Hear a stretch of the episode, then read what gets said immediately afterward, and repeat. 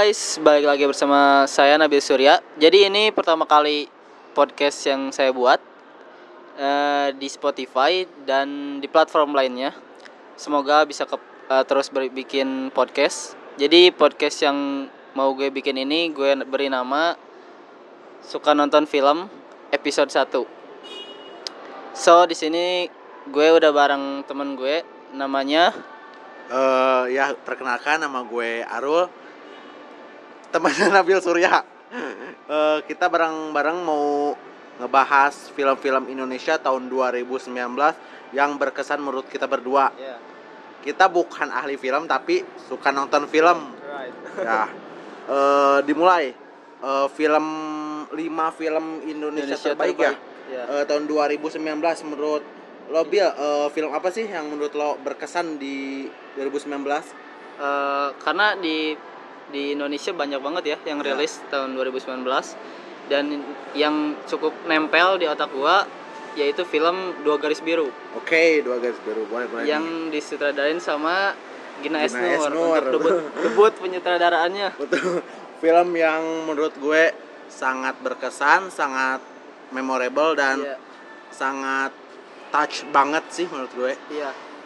Secara gambar, looks dan eh, itu kan ngambil romantis romantis ya. Ya, Dan- romantis remaja. itu lagu-lagunya terus apa ya emosional yang dibawanya bagus banget gitu ya Ya, nggak kayak film romantik film Un- romance ya untuk eh, soundtracknya juga eh, back sound back soundnya juga rata-rata sih eh, diisi oleh eh, para musikus-musikus indie rata-rata benar-benar. eh, dari siapa sih itu penyanyinya? Eh, Dua Astaga, Biru itu ada Kunto Aji, Kunto Aji, dan- terus eh, Rara Sekar, Iya, Rara Sekar. Di lanjutnya Rara Sekar, terus Kunto Aji, terus eh, anjir lupa. pokoknya banyak Banyak sih film-filmnya dan banget. iya film ini dimainkan sama Angga Yunanda dan Zara ZKT Zara 48. JKT48. wow dan remaja banget. dan setelah mereka main di film ini menjadi banyak idola eh, remaja di Indonesia ya. Ya. Para sporting case-nya juga menurut gue eh, keren-keren banget Iya, gitu. benar. Dari Cut Mini, Cut Mini Theo, terus Lulu Tobing, Iya benar. tambah bapaknya itu siapa? Eh Dwi Sasono. Biasa soalnya bapaknya si Bima itu siapa?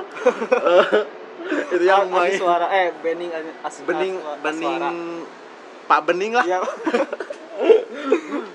itu eh, ngelengkapin banget sih menurut gue Iya, eh, dari keluarganya relatable banget. Jadi eh, isu yang dibawa ya isu yang dibawa juga jarang banget sih Iya. untuk perfilman Indonesia. Eh, untuk sinematografinya menurut lo gimana sih Bill? Eh, menurut gue secara sinematografi itu estetik banget Bener. Eh, sangat banyak ada yang sp- scene di mana mereka di UKS ya, itu scene paling the best paling menurut the gue. best dan memorable bagi banyak penonton di Indonesia ya Kalau even eh, suatu saat Piala Maya atau Piala Iya. Citra ada scene terbaik? Nah mungkin saja mungkin salah itu. scene terbaik, scene terbaik yang- di Indonesia. Paling benar, memorable. benar. one take nya itu loh. Oh my god. Dan eh, semoga sih gue berharap nggak ada sequel ya. Karena kemungkinan kalau yang dibikin sequel kan suka jelek gitu. Ya ya semoga aja udah kebanyakan gitu. Iya. kebanyakan sequel nggak sebagus film eh, pertamanya Iya, gitu benar.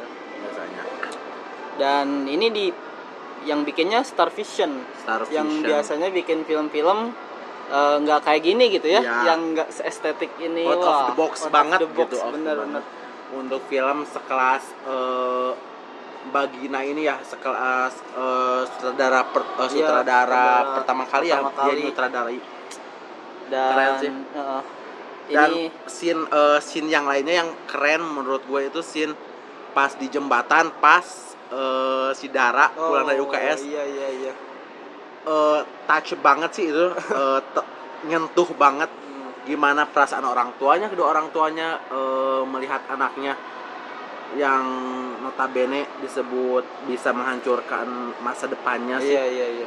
di mana kan eh, pas dulu Tobing ibunya Bima eh, mau menyeberangi jembatan dia baca Bismillah dia baca Bismillah mungkin eh, metaforanya mungkin diibaratkan itu dia melewati jalan baru gitu Oh, pas iya, iya. eh, dia menghadapi masalah terus dia melewati jembatan baru melewati kehidupan fase baru sih Iya iya benar-benar.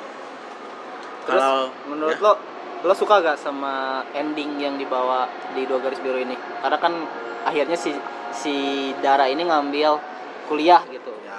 Untuk endingnya sih menurut gue eh, agak gantung ya mungkin Iya, iya. ini strategi Iya, marketingnya benar-benar. eh, Mbak Gina untuk bisa kalau lanjut ya bisa dilanjut kalau berhenti ya bisa berhenti Iya, gitu benar, iya, benar. Eh, emang sih agak masuk akal agak masuk akal sih seorang ibu bisa rela eh, meninggalkan anaknya demi masa depannya so eh, itu pun nggak nggak nggak mu- eh, nggak menampik sih kalau misalnya emang eh, anak kita bisa lebih eh, lebih apa ya lebih bisa mengejar cita-cita dibanding sekarang ini sih Iya iya. Dan dua garis biru juga buat yang kalian nggak nggak ngikutin Piala Citra, dua garis biru ini yang borong banyak piala gitu ya. benar benar benar selain film yang lainnya Iya. film Tubuh Indahku Indahku. yang sama-sama eh, kontroversi, juga Kontroversi, sih iya.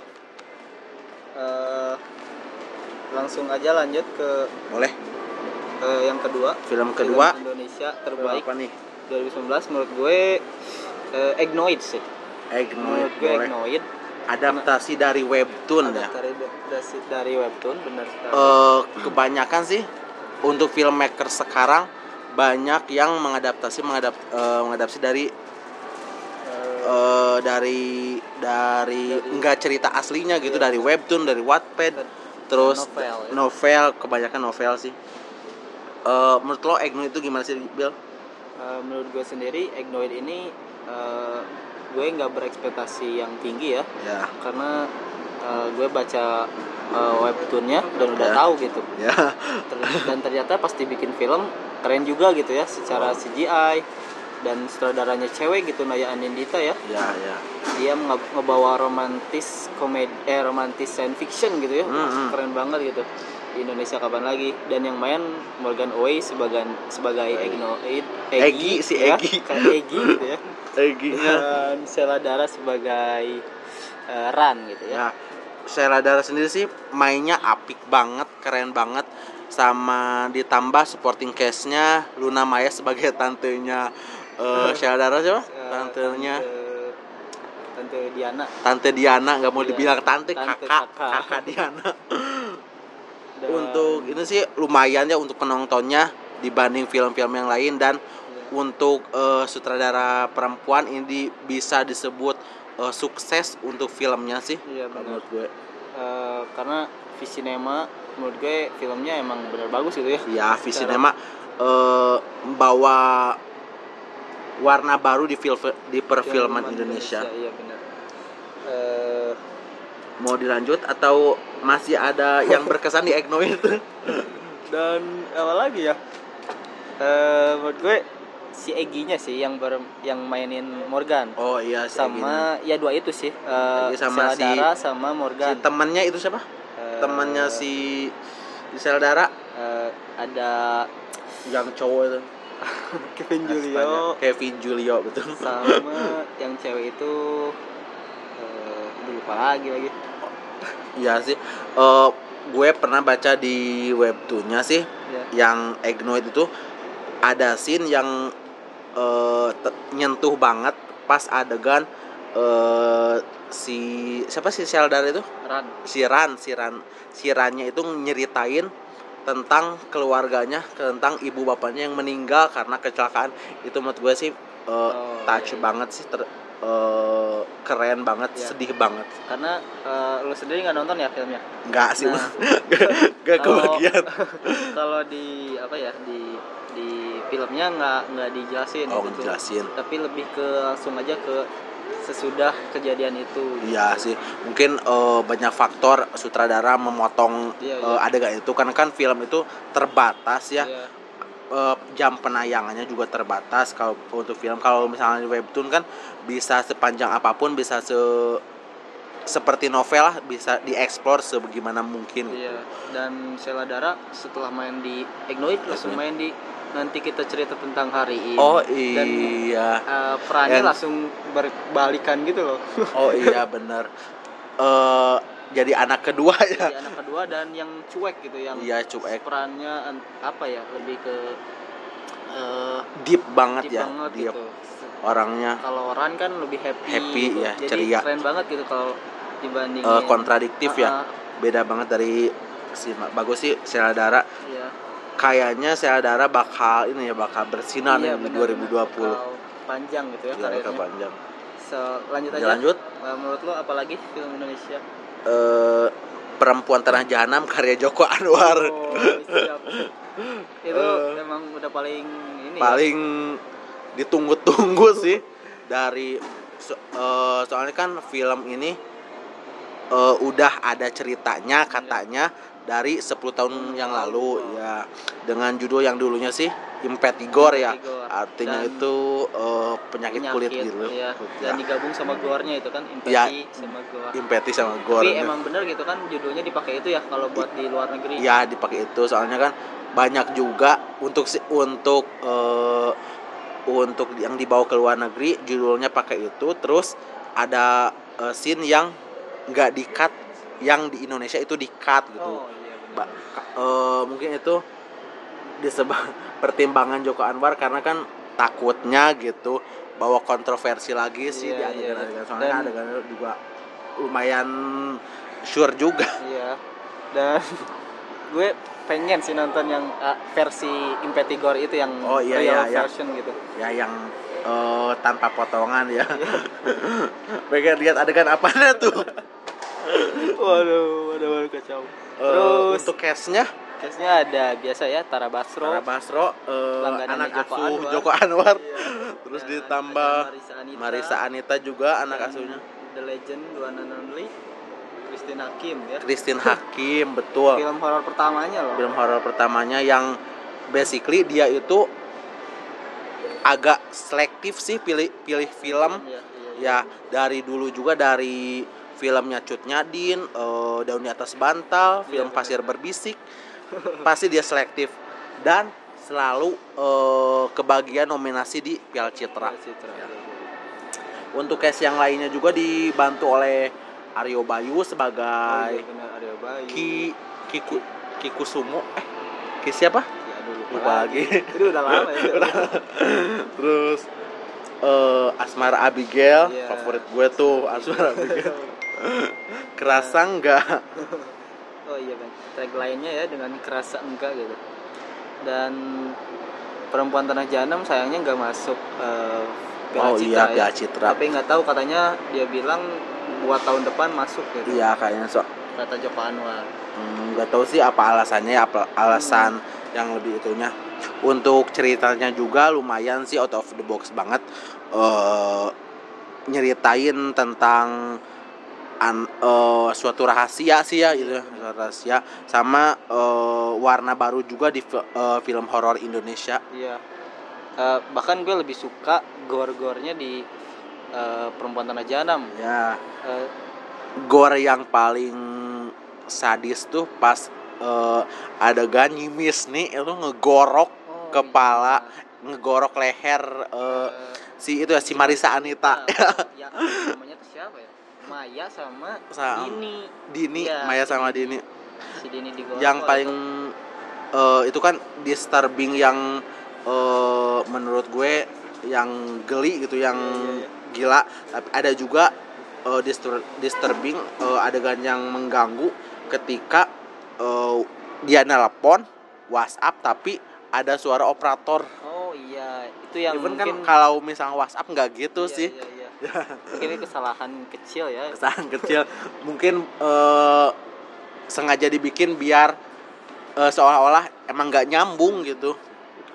Dan gue ya, asin yang paling berkesan buat gue sih di perempuan tanah jahanam yang eh, ini sih awal. Oh, scene awal. Oke, opening. itu kan banyak yang ngomong opening scene terbaik. Ya, opening scene terbaik. Kalau dua garis biru adegan one cut terbaik ini opening scene Iya, terbaik. bener.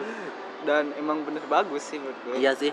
Pas di adegan tol itu serasa Tara Basro terisolasi, bener-bener terisolasi sih Bener banget. keadaan.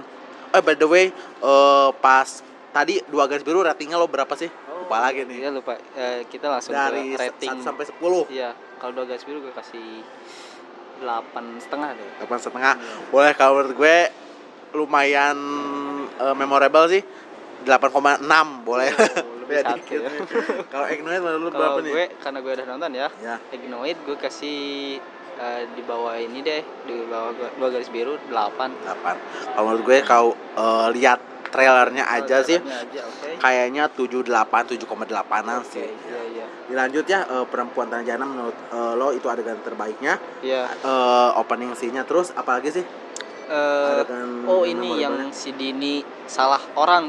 Oh, si iya. Dini disangkanya Maya gitu kan Oh, iya. sama warga War- aduh, warga yang desa warga apa lokal gitu ya, lupa lagi gue itu apa namanya. gue tahu ingat Ha- Eh, Harjosari. Oh iya, Harjosari. Nah, itu gak kan- tahu sih motifnya si eh, si Dini itu ngaku-ngaku sebagai Maya itu karena Itu apa? kan motifnya menurut gue kalau di kelihatannya sih karena pengen yang itu apa hartanya Harta. itu dia kan Cepat. tadinya eh, biar cepet jadi ya udah gue aja Oh, Maya gitu iya kan. sih. Tapi malah berujung malah Nah, petaka. berujung petaka jadi bikin iba penonton gitu di Iya situ sih. tuh. Dan- Eh, ada juga sih penonton yang bilang eh, ngobrol pas itu eh, pas ke gue itu adegan itu membuat kayak si Dini itu gila harta banget sih. Oh, iya. ngejar banget ngejar banget eh, duit ngejar banget harta soalnya pas di adegan eh, pasar juga si Dini ngebet banget pengen ikut pengen kalau misalnya dapat war- lo dapat warisan gue terus dapat apa gitu tak takutnya em- iya. karakternya emang nyablak juga ya. ya nyablak juga sih. Eh, untuk closingnya menurut lo gimana? Untuk nah, closing kan adegan film banyak perdebatan ya. ya ending di perempuan tanah jam eh perempuan tanah jahanam ada yang banyak yang nggak suka karena eh, Joko Anwar kayak males gitu loh yang nyeritain ceritanya langsung dari Iya, hantunya itu loh langsung betul, ngejelasin secara visual. Itu sih banyak eh, sutradara juga yang kalau eh, kalau ngehabisin cerita dengan reviewan dia sih reviewan hantunya reviewan keluarganya Hmm, diceritain iya, panjang iya, iya, flashback benar, panjang itu sih. Kalau menurut gue masih belum bisa diterima banyak diterima gitu. Nggak Iya, masih banyak sutradara yang eh, kayak gitu sih formulanya. Bener-bener.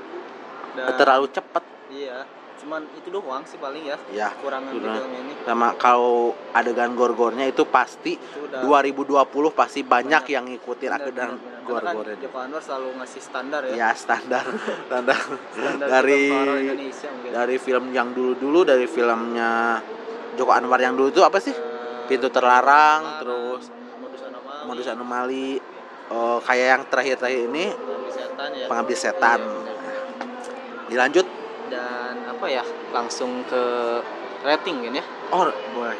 Langsung ke rating aja atau ada lagi nih? Baru. udah sih udah sih menurut gue eh, cukup di itu aja langsung red aja Oh iya, rating gue karena gue suka thriller dan ini ngebawa horror thriller misteri gitu ya. Gue kasih 8,9 Iya. Untuk gue 8,9 ya untuk eh, Nabil. Untuk gue sih 8,7 sih 8,7. Oh ya, eh, itu gue belum ngerti yang adegan eh, yang di perempuan perempuan tanah jahanam yang banyak di desanya itu banyak asap-asap itu maksudnya apa sih Joko Anwar? Desa Kalau- Oh, iya. Banyak asap-asap kan? Di pas di turun dari dalamnya banyak asap terus eh, daerah rumahnya banyak asap. Mungkin kalau menurut gue eh Joko Anwar pengen ngeritik pemerintah tentang kebakaran hutan. Bisa jadi kan. Tapi kalau menurut gue sih emang masuk akal kan? Karena kan di atas gunung gitu kan. Oh, eh iya. bukan gunung, maksudnya fog gitu loh. Oh, kan, iya ya kan? sih. Ada. Eh, bukan asap mungkinnya kabut. Nah, gitu. ya sih boleh, boleh. Eh, Lanjut film selanjutnya film yang keempat menurut eh yang menurut keempat ya. ya, menurut gue ya langsung kan bahkan loh Ya. PTJ terus kalau menurut gue Ratu Ilmu Hitam Ratu Ilmu itu Hitam. horor yang menurut gue fuck gitu Secara- fuck banget. itu thriller horor yang gila sih Yang walaupun nggak ada hubungannya sama film sebelumnya, Iya, film Susana, sebelumnya. jadi banyak eh, perubahan gitu ya Ya, sama perubahan. Kimo dan Joko Anwar di sini penulisnya Joko Anwar Anwar, Joko Anwar lagi ya. iya disutradarain sama Kimo Stambul Ke Uh, Istanbul, setelah dia bikin Dread Out ya dulu Get Out eh ya. bukan dulu sih setahun itunya juga Ya. awal tahun 2019 eh, itu kayak gagal gitu ya film horor yang mengecewakan terus dia bikin Ratu Ilmu Hitam itu kayak pembayaran gitu Oh iya, kayak Kayak kayak penebusan dosa. Penebusan dosa. Dia Ratu Ilmu Hitam. Eh, case-nya oleh siapa, Bil? Ratu Ilmu Hitam? case, case Ratu Ilmu Hitam ada kalau nggak salah eh, Aryo Bayu. Aryo Bayu ya Aryo Bayu, Zara JKT48 lagi. 48 terus Hana Al Rashid Hana Al-Rashid, Ari Irham Ari Irham, Muzaki Ramdan yang Muzaki. di Gundala Gundala. kecil ya. Bener-bener terus pinter banget sih si Muzaki. Muzaki ini ya kecil gila bisa cari duit. terus ya? Terus banyak sih eh case-nya terlalu kalau menurut gue terlalu banyak iya di benar-benar eh, setting tempat yang itu-itu aja Iya, sih. itu sih Ya. Eh, nyeritain tentang rahasia, rahasia lagi ya. Pasti sih film horor Indonesia pasti ngungkapin eh, rahasia-rahasia eh, rahasia yang harus diungkap, ya, rahasia yang Oh, iya, belum diungkap rata-rata seperti itu ya ya belum belum ada film Indonesia yang kalau dari unsur cerita itu yang beda dari yang lain sih Iya. Eh kalau Ratu Ilmu Hitam kita udah tahu lah ya kalau kalian udah udah nonton secara ininya CGI-nya CGI gila aja, banget gitu ya. ya. Padahal ini cuman film horor gitu. ya sih film horor Eh, kalau menurut gue sih CGI di film Ratu Ilmu Hitam ini jadi standar standar untuk eh, film ke depannya film Iya, horor iya. ke depannya sih adegan-adegannya itu yang banyak adegan yang di star disturbing menurut gue adegan Yang kayak nyayat-nyayat gitu ya. kaljengking nyayat-nyayat leher Oh, iya. terus kepala sorry ini spoiler gak apa ya Iya, karena yang nonton pasti udah udah nonton, nonton, kan ya. udah 2020 masa sih Iya. nggak nonton Ratu Ilmu Hitam Tahu, keterlaluan banget keterlaluan. banyak sih adegan-adegan yang kepala buntung terus dimasukin lagi Eh, dan gue pernah lihat eh, cara cara pembuatan filmnya dan menurut gue itu keren banget Oh, sih iya, ada yang jadi hantunya itu siapa Eh, Yang di film Kafir. Iya. Putri Ayu Dia Iya. Putri Ayu Dia itu muka-mukanya muka-muka Indo banget kalau menurut gue Bener bener bener. muka-muka Asmar Abigail, Iya, eh, benar. Putri Ayu dia muka-muka Indo banget, muka-muka yang eh, kulit kulit yang eksotis banget sih Iya, Indonesia benar, banget. benar. Eh, untuk ceritanya sih eh, Menurut lo yang paling berkesan deh gitu. berkesan. Kalau menurut gue yang paling berkesan pas adegan pas itu sih pas penyiksaan itu, pas penyiksaan pas eh, ending ya? ending ya, Bener, pas dicopot kepalanya, terus dimasukin lagi, pas bilang langsung bilang lancang itu keren banget sih bener, bener, bener. untuk sekelas film Indonesia walaupun dari Itu kayak zaman ya. Iya, kan eh, soalnya bilang si Putri Ayu Putri Ayu dia juga bilang kan aku tidak percaya neraka itu Iya. ada, tetapi kalau misalnya bisa sekarang ya kenapa enggak gitu. Iya, wah gila sih Joko Anwar itu nulis waktu ngetiknya wah. Bener sih. Terus eh, banyak sih adegan-adegan yang potong kepala walaupun itu dari film dulu juga ada film-film Susana yang eh, Oh, iya, rata-rata film kelas B ya. B, iya. ya film-film yang banyak adegan eh, leher potong, tangan putus, terus banyak ada darah-darah gitu sih. Dan apa lagi ya? Eh, untuk yang paling nggak banget kalau menurut lo Bil, apa sih di film Ratu Fil- eh, film Ratu Ilmu Hitam? Oh, yang paling nggak banget gue yang endingnya itu sih. Endingnya Ah, ya. Jadi kayak endingnya tuh udah bagus gitu, tiba-tiba jelek karena pas eh, si Putri Ayu dia mau mati kan itu sekelilingnya ada lilin ya. Iya, Jadi si apa ya si Hana Al Rashid ini kan ngelempar lilin. ya, Jadi ke- kelemahannya si hantu itu kan eh, api ya. ya. Tapi kenapa mereka ditempatin di tempat yang banyak lilin? Oh, bener-bener sih. Sih Pas yang- ritualnya ya, pas mau Iya. ritual itu. Sama eh, adegan emang sih standar eh, standar film-film Indonesia kalau misalnya eh, pengen bikin plot twist tapi kadang nggak nyampe gitu kan itu dibikin kayak si eh, bapak asuhannya yang jahat terus terus Oh, iya, eh, benar-benar. si itunya si siapa namanya nama pemerannya si Putri Ayu itu astaga lupa lagi eh ya ya si itunya lah Pokoknya si Putri. Ayu yang salah terus anaknya dan ternyata ada plot twist di dalamnya iya gitu sih eh film hitam dilanjut aja nih red aja langsung Ya, red langsung aja aja red ya. Boleh. eh red Satu eh, ilmu Ratu hitam, menurut bil? gue eh, karena ya itu sih tetap ya endingnya itu selalu Ending. ada kelemahan gitu Ya. Eh, gue 8 deh sih 8 kalau menurut gue sih 7,9 aja lah 7, cukup lah untuk eh, standar film horor Indonesia dengan CGI yang menurut gue itu oke lah eh, Iya, iya, iya. bagus lumayan bagus sih ya, gue gue itu 8 untuk CGI CGI untuk effort si Kimo bikin horor dan Ya. beda terus latarnya ya yang latarnya eh, sis, apa ya samping-samping jalannya tuh kayak ada Oh. ladang gitu kan ladang jagung itu kayak film Tall in Grass gitu Oh, kan. Yes. apa ya dulu gitu In kan. the Tall Grass Iya, iya. oh film-film Netflix itu Nah, itu kayak film luar ya? gitu kan oh, bener itu settingnya di mana sih itu di Cirebon Oh. Cirebon. Masih Jawa Barat sih dan ternyata ada ya latar kayak gitu Ayah, di Indonesia ada. Dilanjut ya? Lanjut aja. Lo film. gimana nih? Siap eh, film apa nih? Kalau menurut gue sih yang terakhir Terakhir. yang menurut gue berkesan film Imperfect. Filmnya Ernest Perkasa di Oke. akhir Yang tahun. akhir tahun ya. Bill lo nonton nggak film Imperfect? ya. Karena filmnya ini kedua gitu ya terbanyak kedua deh. Oh iya sih. Selain Dilan ini imperfect. Oh, Imperfect, ya, juta enam ratus. Ya sih. Oh Imperfect juga kalau menurut gue ceritanya itu membawa isu yang oh iya notabene banyak eh, menjadi pembahasan Iya, di Indonesia banyak pembahasan di masyarakat juga tentang eh, body shaming tentang eh, insecure terhadap diri sendiri gitu sih Iya. dan Ernest ngebawa ini dengan apa ya dengan santai sih ya Hmm. dengan santai dengan nggak kayak Oh. nyindir gitu ya ya agak kayak gitu sama dengan komedi yang pas kalau menurut Iya, gue benar-benar. Berkesan banget sih eh, film penut, eh, penutup di tahun 2019 iya benar eh, untuk castnya lo tau nggak siapa aja ini Ya, castnya nggak salah ada Reza Rahdian ya. Reza Rahadian aktor favorit Iya. gue.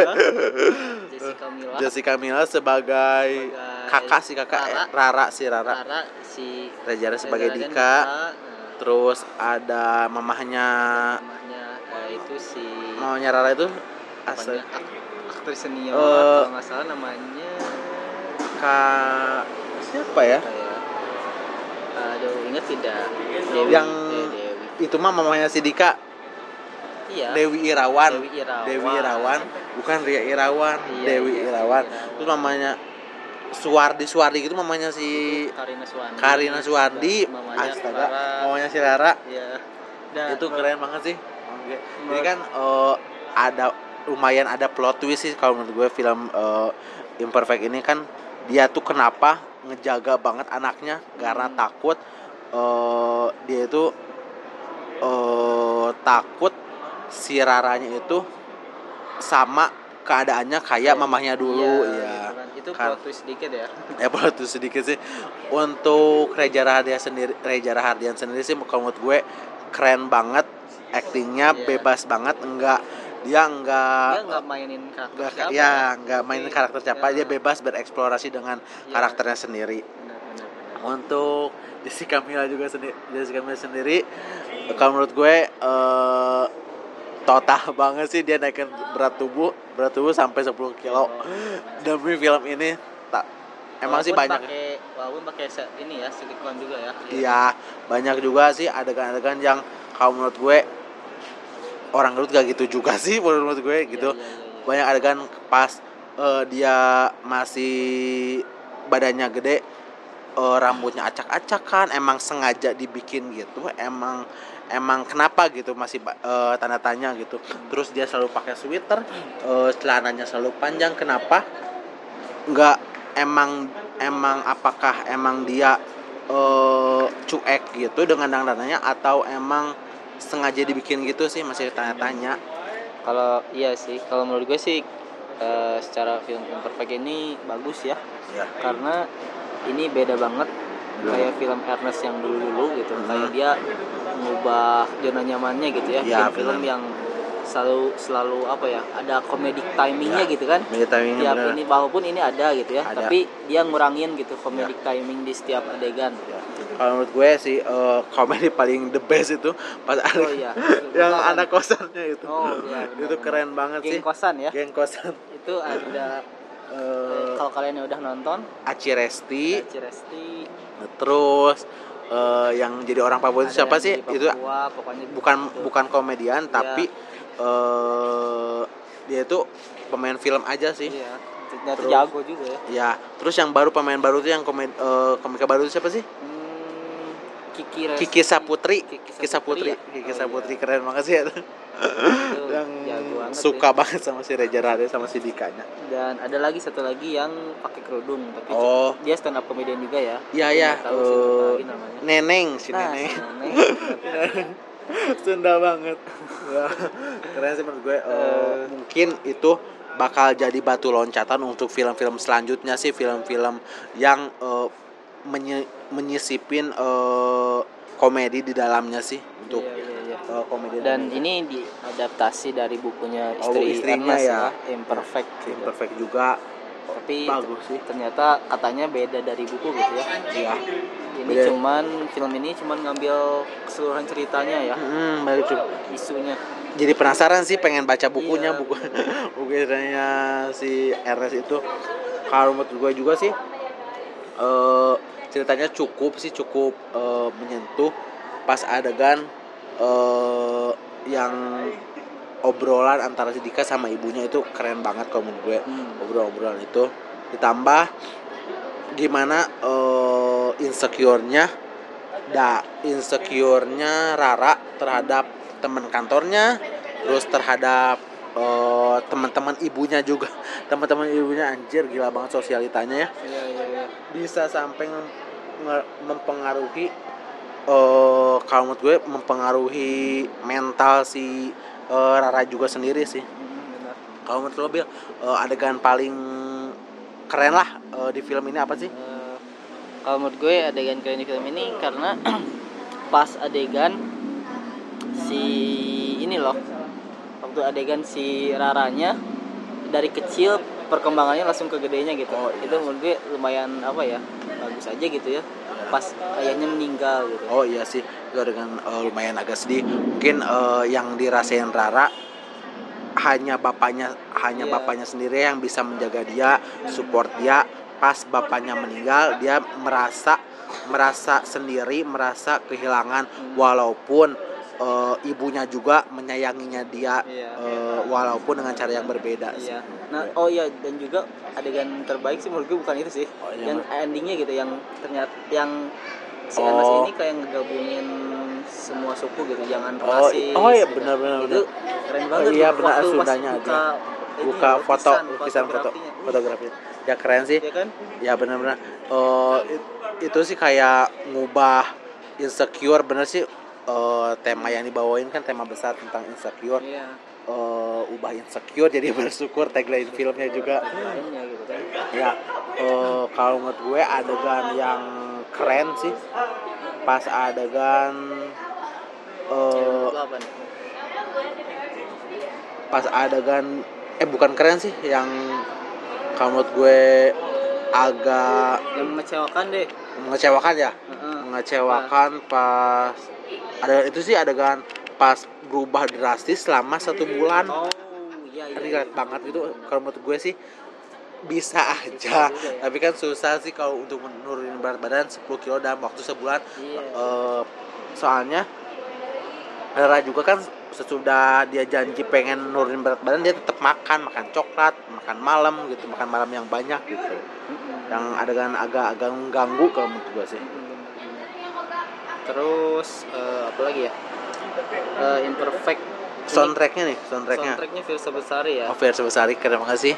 Eh judulnya pelukmu ada eh pelikmu adalah peluk eh kemudian eh, iya itu deh. ah lagu-lagu indie lah Pelik yang adalah pelik peluk Allah. adegannya eh adegan sama soundtracknya itu nyambung banget eh klop banget sih menurut gue.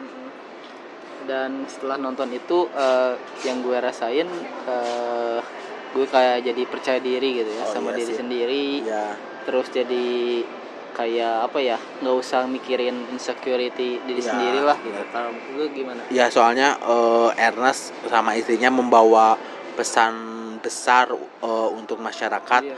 agar eh, jangan terlalu mendengarkan omongan orang lain.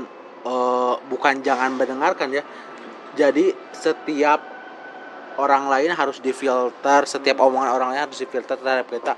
Kalau misalnya baik eh, Yombo diterima kalau misalnya eh, nggak baik bolehlah di di itu lagi di apa di direnungkan. direnungkan Iya. lagi sih.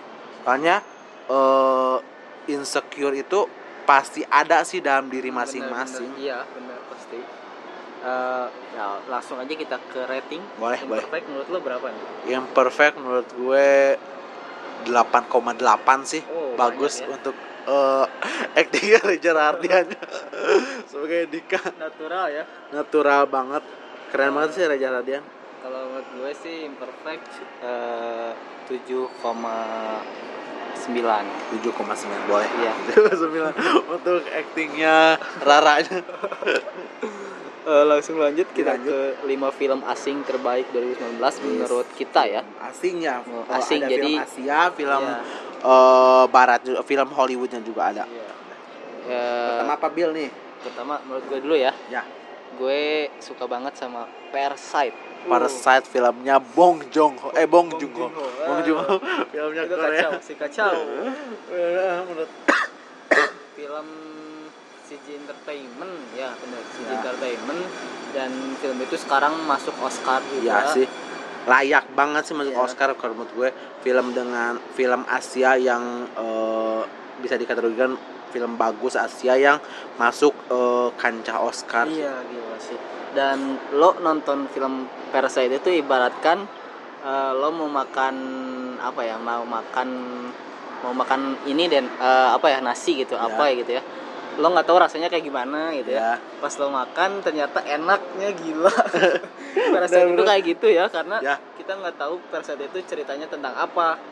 Even trailernya pun nggak nunjukin apa-apa Ya, gitu ya. ceritanya nggak nggak nggak eh, ngupas banget tentang cerita aslinya gitu. Iya. Ditambah eh, gue nonton pas gue nonton nggak eh, berekspektasi apa-apa sama kayak omong tadi Nabi- Nabil Hmm. nggak berekspektasi apa-apa.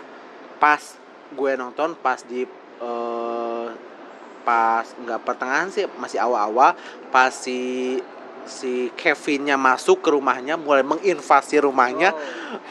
Oh, mulai deh eh, ternyata si Kevin eh, punya rencana yang disebut agak jahat. Oh, jahat sih bukan menurut gue dengan memfitnah sana sini. Dan apalagi ya kalau menurut gue eh, pas adegan ini sih eh, apa ya? Pas si ada nenek-nenek yang masuk pembantunya Oh, gitu. pembantunya, pas ya. pembantu di rumah itu datang gitu kan. Ya. Mereka habis mabok-mabokan yang miskin ini. Ya. Oh ya pas pas party di Iya, rumahnya ketika si orang kayaknya lagi pengen eh, Berlibur camping ya. ya, Ah. berlibur lah ke itu ajak si anaknya. Terus datang datang hujan-hujan. Ke, ke ruang eh, ke ruang bawah tanah dan ketahuan ya ketahuan nggak sih sama si Kevinnya? Iya ketahuan. Ketahuan ya. Terus kalau menurut gue sih eh, dan baca eh, thread eh, di Twitter juga banyak eh, ada banyak eh, scene-scene yang ternyata punya artis tersendiri. Pas scene eh, si Kevinnya lihat lukisan si anaknya Hmm. ter- itu ternyata bukan lukisan potret diri ternyata dia ngelukis eh, si yang bersembunyi di lorong itu. Oh oh iya iya benar. Gue baru dia dia yang itu sih. dia ngerasa kan si anak itu nggak nggak tahu ada orang di di bawah eh, di bawah dapur ke bawah itu. Hmm. dia nyangka itu bukan orang tapi hantu. Jadi dia sampai kepikiran sampai pingsan pas juga hari ulang tahunnya itu kan. Oh iya iya, ya pas eh, pas pertama bukan yang pas adegan akhirnya. Dia kan pingsan. Iya. pingsan eh, karena eh, mergoki si eh, orang yang ada di bawah eh, dapurnya itu masuk ke atas pengen ngambil makanan di kulkas sih itu sih kalau. Hmm. Iya iya iya iya. banyak sih adegan-adegan itu eh di tri- di Twitter rame sih adegan yang metafora juga Hmm. di film Parasite ini Iya, bahkan yang metafora yang batu gitu ya. oh iya Yang batu Itu tuh batu teh di awal kan si Ya. temen siapa sih yang Temennya si cowoknya? Kevin. Kevin. Temen si Kevin itu kan ngasih batu ya. ya Terus di akhir pun batu itu masih dipegang Oh, sama si iya. Kevin. Itu tuh kayak apa ya metaforanya banyak yang bilang kayak warisan gitu. ya bisa jadi warisan bisa jadi bisa jadi eh, takdir Nah, ke mana pun dia ada takdir itu tetap ada eh, jadi ibarat gini eh, ke mana pun dia misalnya dia tet- eh, di rumah orang kaya bagaimanapun dia tetap Iya. miskin sih kalau gitu menurut gue sih iya bener. dan baik lagi ke miskin Heeh, bener. Eh, untuk case case nya juga menurut gue keren keren sih Iya, untuk, walaupun kita tahu kena. nama namanya ya, karena kenal soalnya orang Korea itu Parah. susah namanya. eh, dari bapaknya si Kevin ibunya si Kevin Jessica adiknya si Kevin sama si Kevinnya sendiri Hmm, iya iya iya.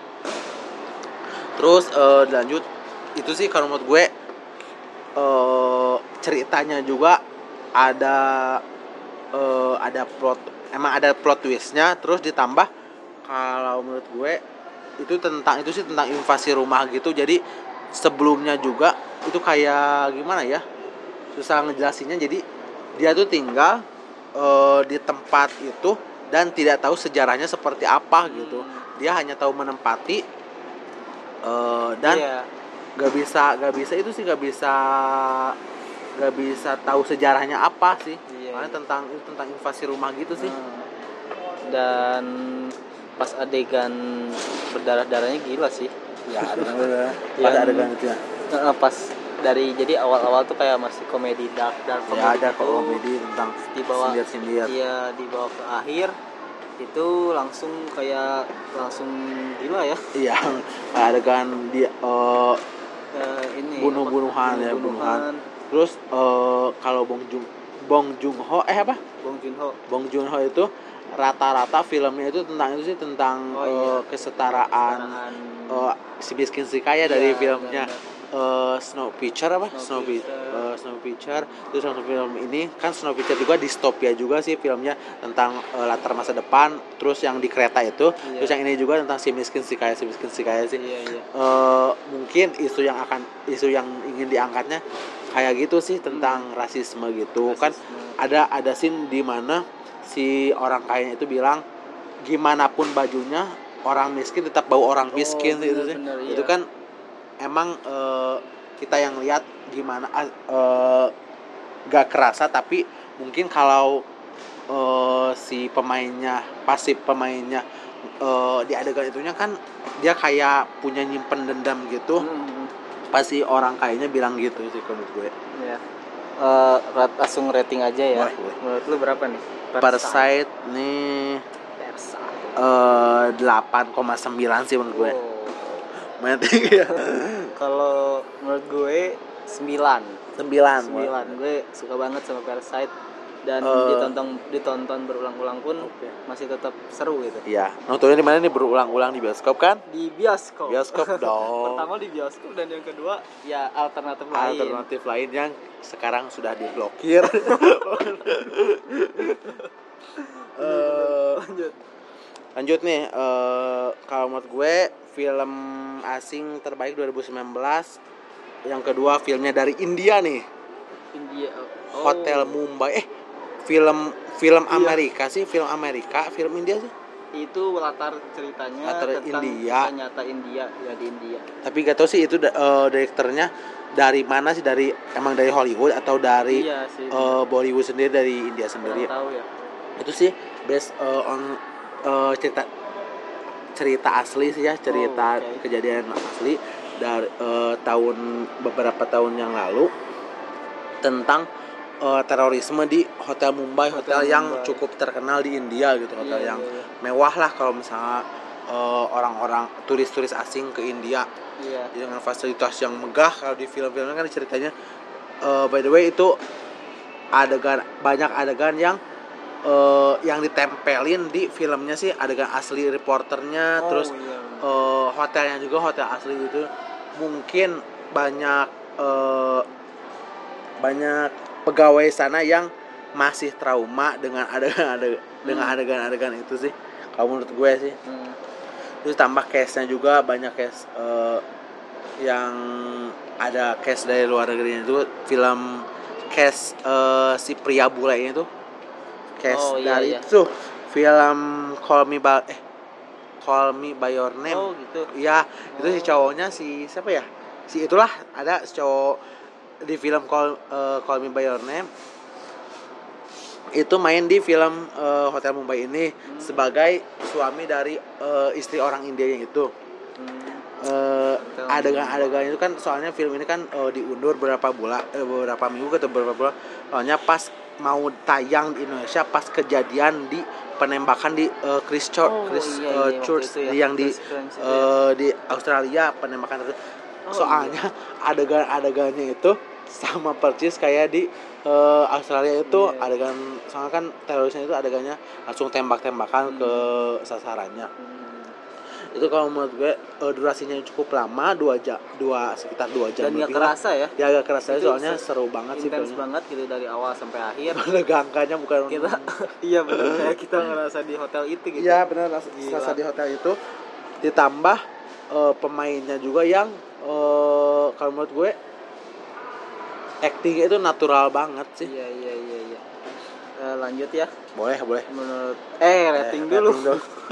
hotel Mumbai gimana nih Hotel Mumbai film kalau menurut gue sih sembilan sih dengan adegan Wow. yang gore-nya itu Siap. adegan yang kerennya itu Iya, menurut berapa Karena nih kayak perspektif penonton banget ya. Kita Iya. kayak lihat eh, langsung ke sekitar adegan itu iya kalau gue eh hotel? Mumbai tujuh setengah deh. Tujuh setengah gue ya? suka sih tapi eh, gue suka tapi nggak terlalu suka Nggak terlalu gitu suka ya. Boleh lanjut Bill Eh, film ketiga. Ya Eh, film asing apa nih? Menurut gue sih eh, Ready or Not sih. Ready or Not. Iya. film petak umpet. Iya. petak ini baru-baru ya rilisnya? Ya ini 2019 sekitar se- akhir-akhir gitu kan. Septemberan bukan iya sih? September. Septemberan. Film eh, dengan latar belakang eh, keluarga orang Iya, kaya iya, yang benar. menikah dengan menikah, tradisi eh, petak umpet tapi ternyata si keluarga ya cowoknya itu harus eh, ada tradisi ya. Ya tradisi. yang mana si ceweknya harus eh, petak umpet gitu. Oh, gitu kan. eh, ya eh, tradisinya itu dia main dadu dulu, Iya. pilih permainan, ternyata yang dipilih eh, permainan petak Petak umpet, umpet. Saling bunuh membunuh. bunuh. Dan gila sih Ready or Eh, thriller komedi Iya. yang berhasil cukup nge- apa ya bikin penonton shock. Ya, yang bikin mainnya Samara Weaving. Oh Raving Samara itu Weaving itu yang Main. mirip si siapa? Yang main di Harley Quinn. Eh aduh lupa nih film. Soalnya kurang itu sih kurang familiar kalau menurut gue sih eh, pemainnya itu. Yap, itu mirip mukanya si Samara Weaving. oh sama Raving ya. Untuk adegannya sih kalau menurut gue ini adegan eh, paling nggak suka banget ya kalau menurut gue Hmm, oke. langsung gak suka aja Eh, film pas endingnya itu pas dia mau nembakin ke kepala Oh iya. terlalu gak tahu terlalu komedi gak tahu apa sih itu kan pas awal-awal emang serius serius serius komedi pas komedinya itu asa eh, kayak gimana gitu Iya, iya. ditambah darahnya itu kayak eh, darah eh, kayak emang sengaja dibuat eh, kotor gitu dibu- dibuat apa namanya dibuat editingnya kotor gitu atau eh, emang gak bisa ngeditnya gitu Hmm, tapi iya. masa sih orang Hollywood eh eh, gak bisa ngedit Iya, iya. gitu gitu aja Kalau menurut gue sih yang berkesannya apa ya? Paling eh awalnya menurut gue suka sih dari awal sampai pertengahan kita kayak dibikin bingung dulu. ya Ini ada apa gitu ya? ada apa dengan keluarga ini? Gitu. betul, betul. Eh, dan karena- dengan case yang ba- lumayan banyak sih. iya dan mereka berhasil gitu ya. Ya. Nge-support film ini sampai akhir eh, ngedukung gitu bagus. Eh untuk adegan yang keren menurut gue sih adegan pas kejar-kejaran si ceweknya sama keluarganya itu sih Hmm. yang bikin deg-degan. Deg-degan ya? Ya. Bener-bener adegan itu ya paling suka sih film yang kalau udah ada adegan kejar-kejaran gitu Iya. serasa kita. Iya bener-bener serasa kita yang ada di film itu sih. Eh, bener. Si Eh. Ready or Not ini eh apa ya eh, pas ininya sih gue pas endingnya gue kurang suka sih. Oh iya yang apa ya yang ngebunuh yang ne- gue gue gue kira sih si ini nggak akan terjadi ya si malapetaka ini sih tuh ya. oh iya. Karena kan cuman itu ya cuman eh, cuman mitos kayak iya mitos kayak mitos gitu. cuman mitos mitos, gitu. tradisi dan ternyata terjadi dan itu eh kalau menurut gue sih kurang disebut masuk akal ya emang ceritanya gitu disebut Hmm. gak masuk akal ya emang gak masuk akal sih Iya. masa bisa Bener, Gitu sih. bener sih nggak ada reason gitu Ya, reason dibalik eh ya mungkin ada di- nanti ada sequel duanya ready Oh, or not. Bener-bener Eh, pasti sih itu. Secara Hollywood selalu. Kalau misal filmnya yang satu populer yang sat, yang eh, film keduanya pasti ngedompleng eh, pengen ngedompleng film yang pertamanya sih Iya. rata-rata gitu film Hollywood. dan gue suka sih eh, dengan genre thriller komedi gitu ya. Kayak film-film dulu tuh ada The Babysitter. Oh babysitter net film Netflix ada. Oh, itu iya. seru banget gitu. Terus eh, film apa lagi ya oh Sound of the Dead Oh, kayak the zombie Zombie zombie, gitu. komedi gitu. Ah, zombie. gue suka sih ya kayak gitu. Kok eh, nyeremin tapi emang komedi. Iya gitu. Kan terus kalau scene yang paling berkesan menurut gue yang pas eh, ending banget yang dia keluar dari hotel itu loh. Terus Dari dia rumah, dari- iya. Dari rumah. Dari Iya. eh, iya dari rumah. rumah. Rumahnya kan gede banget ya hotel. Dari hotel kan saking gedenya. Ya, ya pas adegan itu ya pas mukanya berdarah darah dengan Hmm. pakai masih pakai gaun. Iya. Eh, terus eh, dia ngerokok di teras rumahnya di Iya. beranda rumahnya. Terus datang polisi-polisi gitu. Iya uh, santuy banget. Kalau menurut lu yang mana nih? Eh, apanya nih? Adegan terbaik deh. Ya adegan terbaiknya itu kalau menurut gue yang itu sih yang pas dikejar-kejaran itu. Oh. Lagi kejar-kejaran itu pas terus dia masuk ke kandang hewan terus ada anaknya yang Oh, iya bener-bener. eh eh, Nembak mergoki ya? dia ya mergoki langsung Bener. ditembak kalau menurut gue sih nyawa nggak berarti sih di film ini kayaknya bener bener lebih mentingin tradisi dibanding nyawa iya bener terus ada adegan di mana si cowok gendutnya gitu dia Ya. lihat dulu YouTube untuk gimana cara, nembak ngebunuh, cara nembak Oh, gitu cara nembak pakai senjata Panah. dulu kan ya panah dulu itu keren sih banyak yang mati eh, dengan itu sih gue mati dengan eh, bodoh sih. Iya iya. banyak konyol gitu kan. banyak mati konyol bener. iya. Eh, langsung aja ke rating ya. Boleh artinya Eh, rating Ready or Not berapa menurut?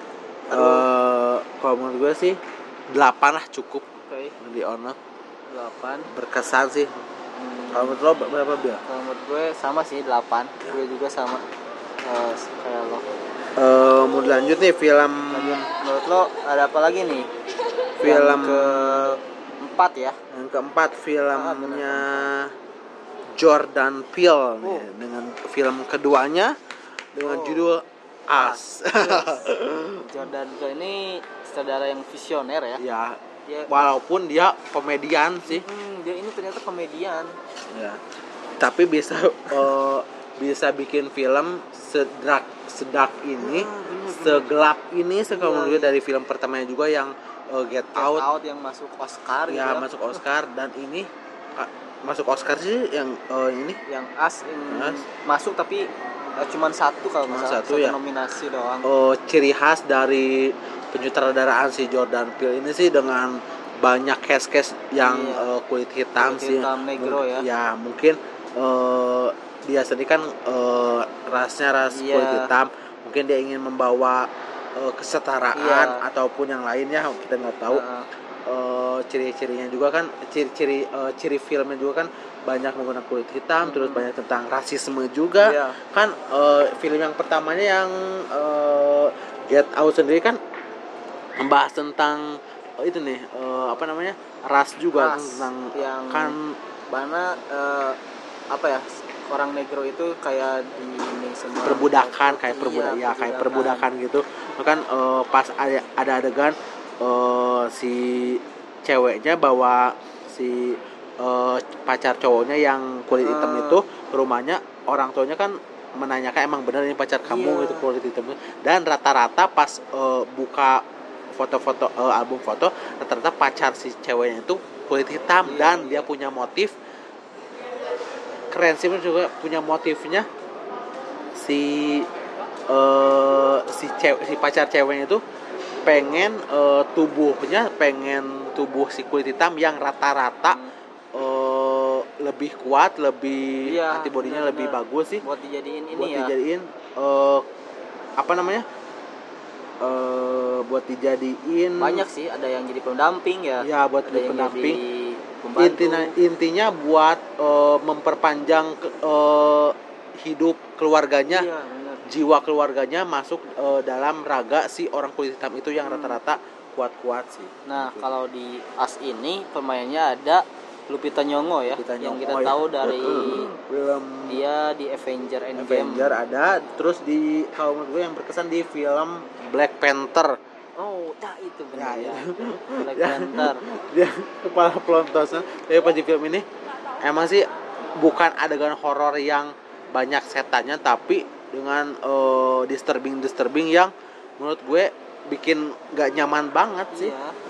nah pas kalau- adegan si Lupita Nyong'o-nya yang eh, melirik-lirik dengan mata yang melotot-lotot Hmm, itu sih itu menurut sih nyeremin banget Eh, terus yang gue suka juga di film As ini eh, scoringnya sih. Ya scoring di film ini kayak khas banget dengan Hmm. apa ya eh, apa sih biola gitu ya. Heeh, bener biola biola biola gitu ya. Biola yang mendenyit gitu. Oh iya bener-bener.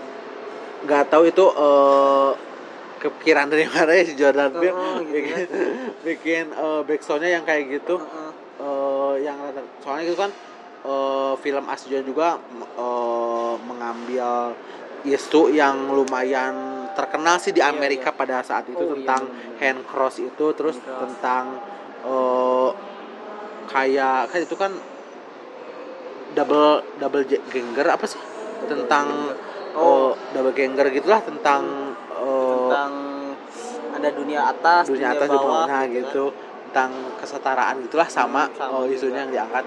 Emang sih rata-rata film Hollywood ngangkat-angkat isu yang jarang diangkat Iya. oh, itu sama isu-isu yang yang lumayan agak itu sih agak dark banget sih. Mm, bener bener bener. Dan Kalau- menurut kalau menurut lo nih ya eh, as ini karena kan udah eh, secara kalau kita tahu Jordan Peele dari as itu udah bagus banget. Ya menurut lo di as ini apa sih kekurangannya kalau menurut gue sih kekurangannya di As itu eh, nggak diceritain. Mungkin ini kan filmnya eh, dibikin dibikin bingung sama si Jordan Peele tapi nggak sejelas Nggak- as ya? ya gak, se, gak sejelas As. Oh, gak, se, gak, gak sejelas Get Out maksudnya. Eh iya maksudnya gue oh, sorry guys. Ini udah malam. Ya eh, kalau yang kurangnya sih dari film ini adegan-adegan eh, pas di dunia atas dunia bawah kenapa gini kenapa gitu banyak pasti Hmm. pertanyaan-pertanyaan yang banyak banget. Kok jadi gini? Kok di dunia atas gini? Pas di dunia bawah gini? Ini Iya. emang kenapa jadi gini? Emang kenapa jadi gini? Gitu Iya. sih. Banyak pertanyaan-pertanyaan yang pertanyaan yang plot hole ya. Ya plot bisa hole banget dibilang sih. plot hole. Kayak kelinci itu apa maksudnya Ya, Nggak tahu gitu. terus pas adegan pertamanya kan ada eh, nge-shoot kelinci Mm-mm. di di kandangin gitu ada satu kelinci yang warna hitam itu kan tentang rasisme juga sih kalau menurut gue. Oh iya benar. Ada kelinci yang satu warna hitam yang lainnya warna putih. putih. gitu. Mungkin itu John Travolta dari awal udah ngeliatin ya. Ya, Film perbedaan. Ini bakal, ya, film ini bakal cerita, cerita tentang apa gitu. Banyak sih eh, kalau misalnya kita ngupas lebih tuntas lagi tentang film ini pasti akan panjang banget Iya, soalnya sih benar-benar. banyak metafora-metafora sih ya.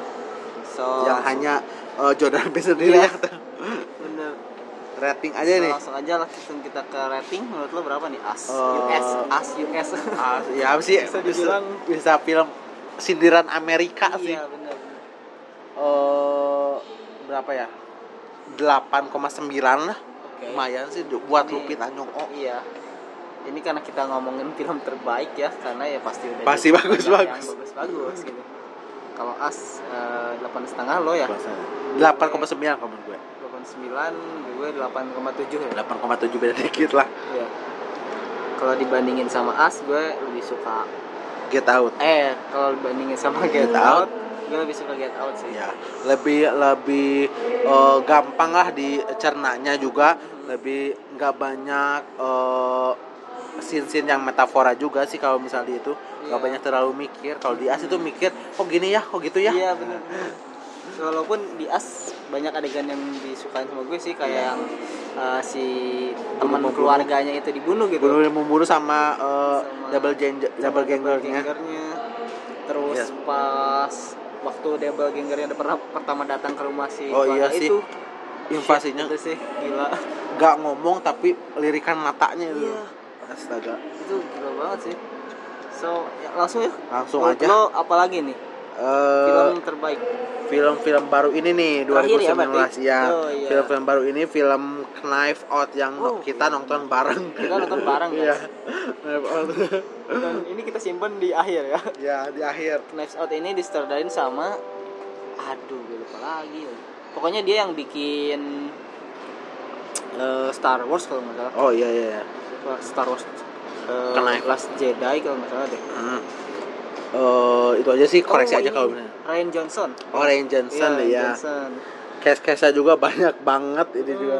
Gak gak, gak kayak eh, film-film kebanyakan yang ada eh, case-nya eh ibunya di film Oh iya di di Hereditary ya. Hereditary si ibu Nah, itu si siapa? ibunya apalagi namanya? Lagi banyak sih case-case yang keren-keren Keren yang dan kumpul di Iya, sana. itu kayak semua aktor sibuk semua gitu aktor- aktor, aktor mahal gitu Aktor mana Gila yang sih. digaya, yang digaya sama dia. Heeh, gitu dan mungkin mereka waktu pertama lihat skripnya emang bagus ya Iya, jadi pengen langsung langsung tanda tangan kontrak Iya, aja sih. gitu. wah gila sih Eh, ceritanya sih kak eh Bial kalau menurut lo ceritanya Oh. gimana? kalau menurut gue Knives Out ini karena gue jarang banget nonton film detektif Ya.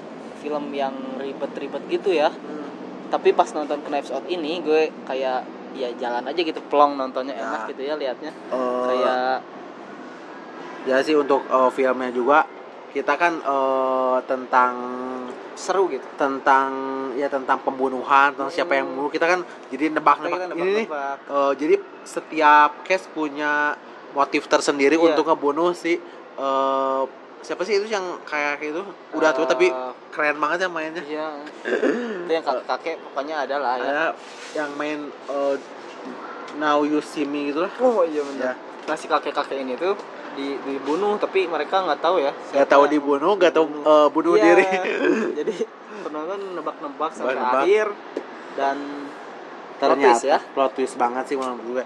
Eh, jadi setiap case punya motif tersendiri untuk ngebunuh si eh, kakek itu dari eh, ten- dari motif penggelapan uang, dari eh, harta itu harta warisan, Hmm. terus dari eh, yang lainnya sih kalau gue. Jadi kita bisa nebak-nebak dan nggak terduga ternyata dia pembunuhnya gitu. Iya benar. Dan kalau menurut gue sih kekurangan cuman terlalu lama eh terlalu lama sih. Kayak eh, kita nunggu-nunggu tapi emang kita tuh udah Udah- kayak udah udah, tahu. tahu, tapi Nebak-nebak. Takut lama gitu saudaranya tuh kayak kayak cepet wah gitu. Ngasih Heeh. tahu si eh, pelakunya tuh kayak lama gitu. Iya sih. Padahal kita udah tahu. udah tahu eh, soalnya dari gerak gerik si karakter Hmm. eh, si itunya juga beda dari karakter yang lain sih Iya benar. emang sih dijelasinnya nggak sekaligus tapi secara bertahap Iya. nah secara bertahap itu sih yang eh, gue suka dari cara penyelesaiannya penyelesaiannya penyelesaiannya benar, itu. Dan eh Eh, menurut lo ini apa sih eh adegan terbaik menurut lo, lo di sini? adegan paling keren sih kalau menurut gue pas adegan eh, si polisinya sih siapa sih polisi atau detektif itu yang nge-review cara cara si pengasuhnya itu ngebunuhnya gitu. cara opini si eh, detektifnya ngebun eh, gimana ya jelasinnya cara eh cara si pembantunya ngebunuh si kakek-kakek itu sih kalau menurut gue adegan-adegan itu sih pas adegan dia eh, pura-pura jadi si kakeknya Iya. naik ke tangga sengaja terus balik lagi terus pulang lagi nah pas adegan itu sih menurut gue yang keren Iya, iya. Nah, kalau menurut gue pas adegan yang keren itu yang di akhir sih, yang Oh. si cewek itu ternyata menang ya, si Oh, iya, pembantunya itu menang menang dan dapat warisan dan dapat warisan gitu. Dan dia minum secangkir kopi di di apa ya di muk kayak di gitu. iya di atas rumahnya. Dengan tulisan. Dengan tulisan apa ya kayak nyindir gitu loh. Dia ini rumahku Heeh. ini eh, ini rumahku ikuti peraturanku kau Nah, gak salah iya, sih. iya, bener. dan Ada. semua keluarganya dan itu aktor-aktor gede semua lihat ke atas. ke atas dengan melongo. Itu ternyata- bagus banget. ternyata warisannya jatuh ke tangan si eh, perawatnya. Soalnya kan perawatnya itu kan eh, ngerawat eh, si kakek itu dengan ikhlas dengan baik hati ju- dengan ramah juga. Beda dengan anak-anak yang hanya sekedar ingin itu ingin harta warisannya aja sih kalau iya, gue. iya. Knives Out. Dan gue suka production design di film ini Hmm, secara warna. Juga tuh dan- warnanya juga. iya props rumahnya. Eh, untuk scene-scene eh, propertinya juga scene kostumnya juga keren-keren sih kalau menurut gue dengan colorful yang sal nggak nggak eh, nonjol salah satu jadi eh, saling berimbang sih kalau menurut gue Hmm. dan apalagi eh, artistik kursinya gitu yang Hmm. banyak pisau, itu pisau bagus sengaja mungkin ya banget. Heeh. dan ini eh, apa ya eh, film terah film terakhir ya Terus terakhir film asing terbaik terakhir menurut kita ya kita langsung ke rating Rate aja, aja, boleh, boleh. Knives Out menurut lu berapa? Kalau menurut gue knife out hmm, boleh lah sembilan sembilan lah boleh. Dengan eh, adegan sana sininya itulah Iya, menurut iya, gue iya. berkesan. Kalau menurut gue delapan setengah. Delapan setengah Iya, lah boleh. itu udah cukup sih. By the way, ini eh dari kita 5 film Indonesia Indonesia terbaik, asing. ya dan asing Dan terbaik. asing terbaik 2019 Pesannya apa nih untuk perfilman Indonesia untuk tahun ini tahun 2020? Ya. Eh, kalau menurut gue semoga di tahun 2020 ini banyak film-film Indonesia yang eh, harapannya bisa masuk ke Hollywood seenggaknya bisa kita kita keliat gitu sama luar negeri gitu Hmm. dan dikurang-kurangin film-film horornya Oh gitu iya ya sih. Gak apa-apa sih dibanyakin film horor asal yang Nah, berkualitas, itu bener. keren-keren. seenggaknya banyak eh, horor komedi atau horor thriller gitu Ya. jangan yang pure horor itu get satu genre itu terus gitu Ya sih. itu ngebosenin banget Eh, kalau pesan gue untuk eh, para filmmaker filmmaker Indonesia bikinlah film yang eh, di luar di luar kebiasaan orang-orang film buat Fil, eh, bikinlah film-film yang out of the box yang film-film kayak F Mariam, eh, 20 Steps of May, Iya, film iya. Kucumbu itu kan film-film yang out of the box yang jarang dilirik oleh para sineas eh, Indonesia Iya. eh, yang film-film yang sekelas Hollywood lah emang film-film eh, seperti itu film yang eh, low budget terus bukan film-film komersial juga tapi kita ini para generasi milenial pengen banget eh, lihat dengan bebas gak terbatas film-film yang berkualitas seperti itu sih bener-bener dan dan apa lagi? eh, lebih open minded sih Oh, warga iya. eh, warga plus 62 Indonesia itu. ya warga Indonesia untuk terbuka untuk film-film ini emang sih seni dengan eh, seni dengan seni dengan itu sih gak gak eh, nggak agak agak itu sih agak seni dan budaya eh bukan seni dan budaya seni dan adat sih kalau menurut gue. Agak agak kurang akur kalau disebut akur. Soalnya kan banyak banyak juga eh, kalau misalnya film ini ini terlalu gini ini, ini kayak film misalnya kayak film Kucumbu lah. Film Kucumbu itu kan seni ya Hmm. tentang seni. Dalam banget tentang seni itu kan budaya kita sendiri tapi kan dikaitkan dengan isu LGBT isu yang lainnya. Terus kayak film F. Mariam tentang isu agamanya ada. Terus eh, film biru. Dua Garis Biru tentang eh, kenakalan Iya, remaja. nah eh, nah op- lebih di open minded lah Lagi, warga masyarakat Indonesia itu iya. untuk film-film yang rata-rata berkualitas sih film kontroversi gitu sih. Iya benar. Dan harapan gue sih ke depannya semoga eh, sutradara-sutradara apa ya baru gitu ya yang nggak kelihatan itu muncul gitu.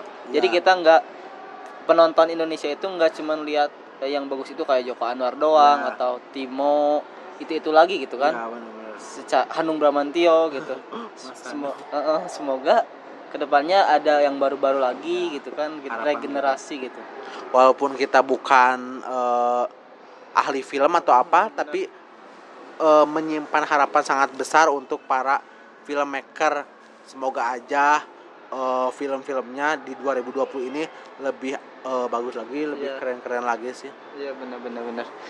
Eh, ya mungkin itu aja ya harapan Ya. kita dan 5 film Indonesia dan asing terbaik 2019 menurut kita. Eh, semoga eh, kalian apa ya enjoy enjoy gitu dengan podcast yang lama ini. ini ya. yang lama terus yang pertama kali ini Iya benar dan semoga eh, ke depannya ada lagi ya episode keduanya. Eh, kita mungkin bakal bahas eh, apa ya review film mungkin atau ngobrolin tentang culture juga, Iya, kultur bisa. juga bisa tentang ngobrol tentang eh, relationship boleh lah, Ya, boleh. boleh, boleh. Nanti kita bikin berbeda-beda eh, apa ya album mungkin ya Iya. part. Eh, jadi kalau yang eh, episode suka nonton film ini kita lebih ke review. eh, Review, terus eh kalau misalnya yang lain gitu kayak relationship beda lagi di episode yang lain. iya gitu. iya benar-benar. Beda-beda tiap episode lah kita. Eh semutnya kita aja lah. benar-benar. Dan ya udah langsung aja ya eh, diikutin gitu ya. Kalau di Spotify itu diikutin ya. Diikutin, di follow sih kalau di Jadi Spotify. nanti mereka dapat notif atau gimana? ada sih ada notif eh, setiap kita eh, ngupload episode pasti nanti ada notifikasi di eh, di handphonenya eh, masing-masing gitu. Oh gitu. Ya ya langsung aja lah ya. Diikutin, di follow gitu biar kalian dapat notifikasi. By the way IG-nya apa? Eh, oh iya, kita belum kenalin. Instagram gue Nabil Surya, I-nya 2, Nabil Surya. Kalau lo Arul? Eh, Instagram gue lumayan agak sulit sih. Nasrul double L tapi huruf vokalnya diganti pakai X. sulit ya. Udah ditutup aja ya Bill. Iya, udah ditutup aja mungkin. Assalamualaikum warahmatullahi wabarakatuh. Terima kasih, bye bye. Yuk, bye bye.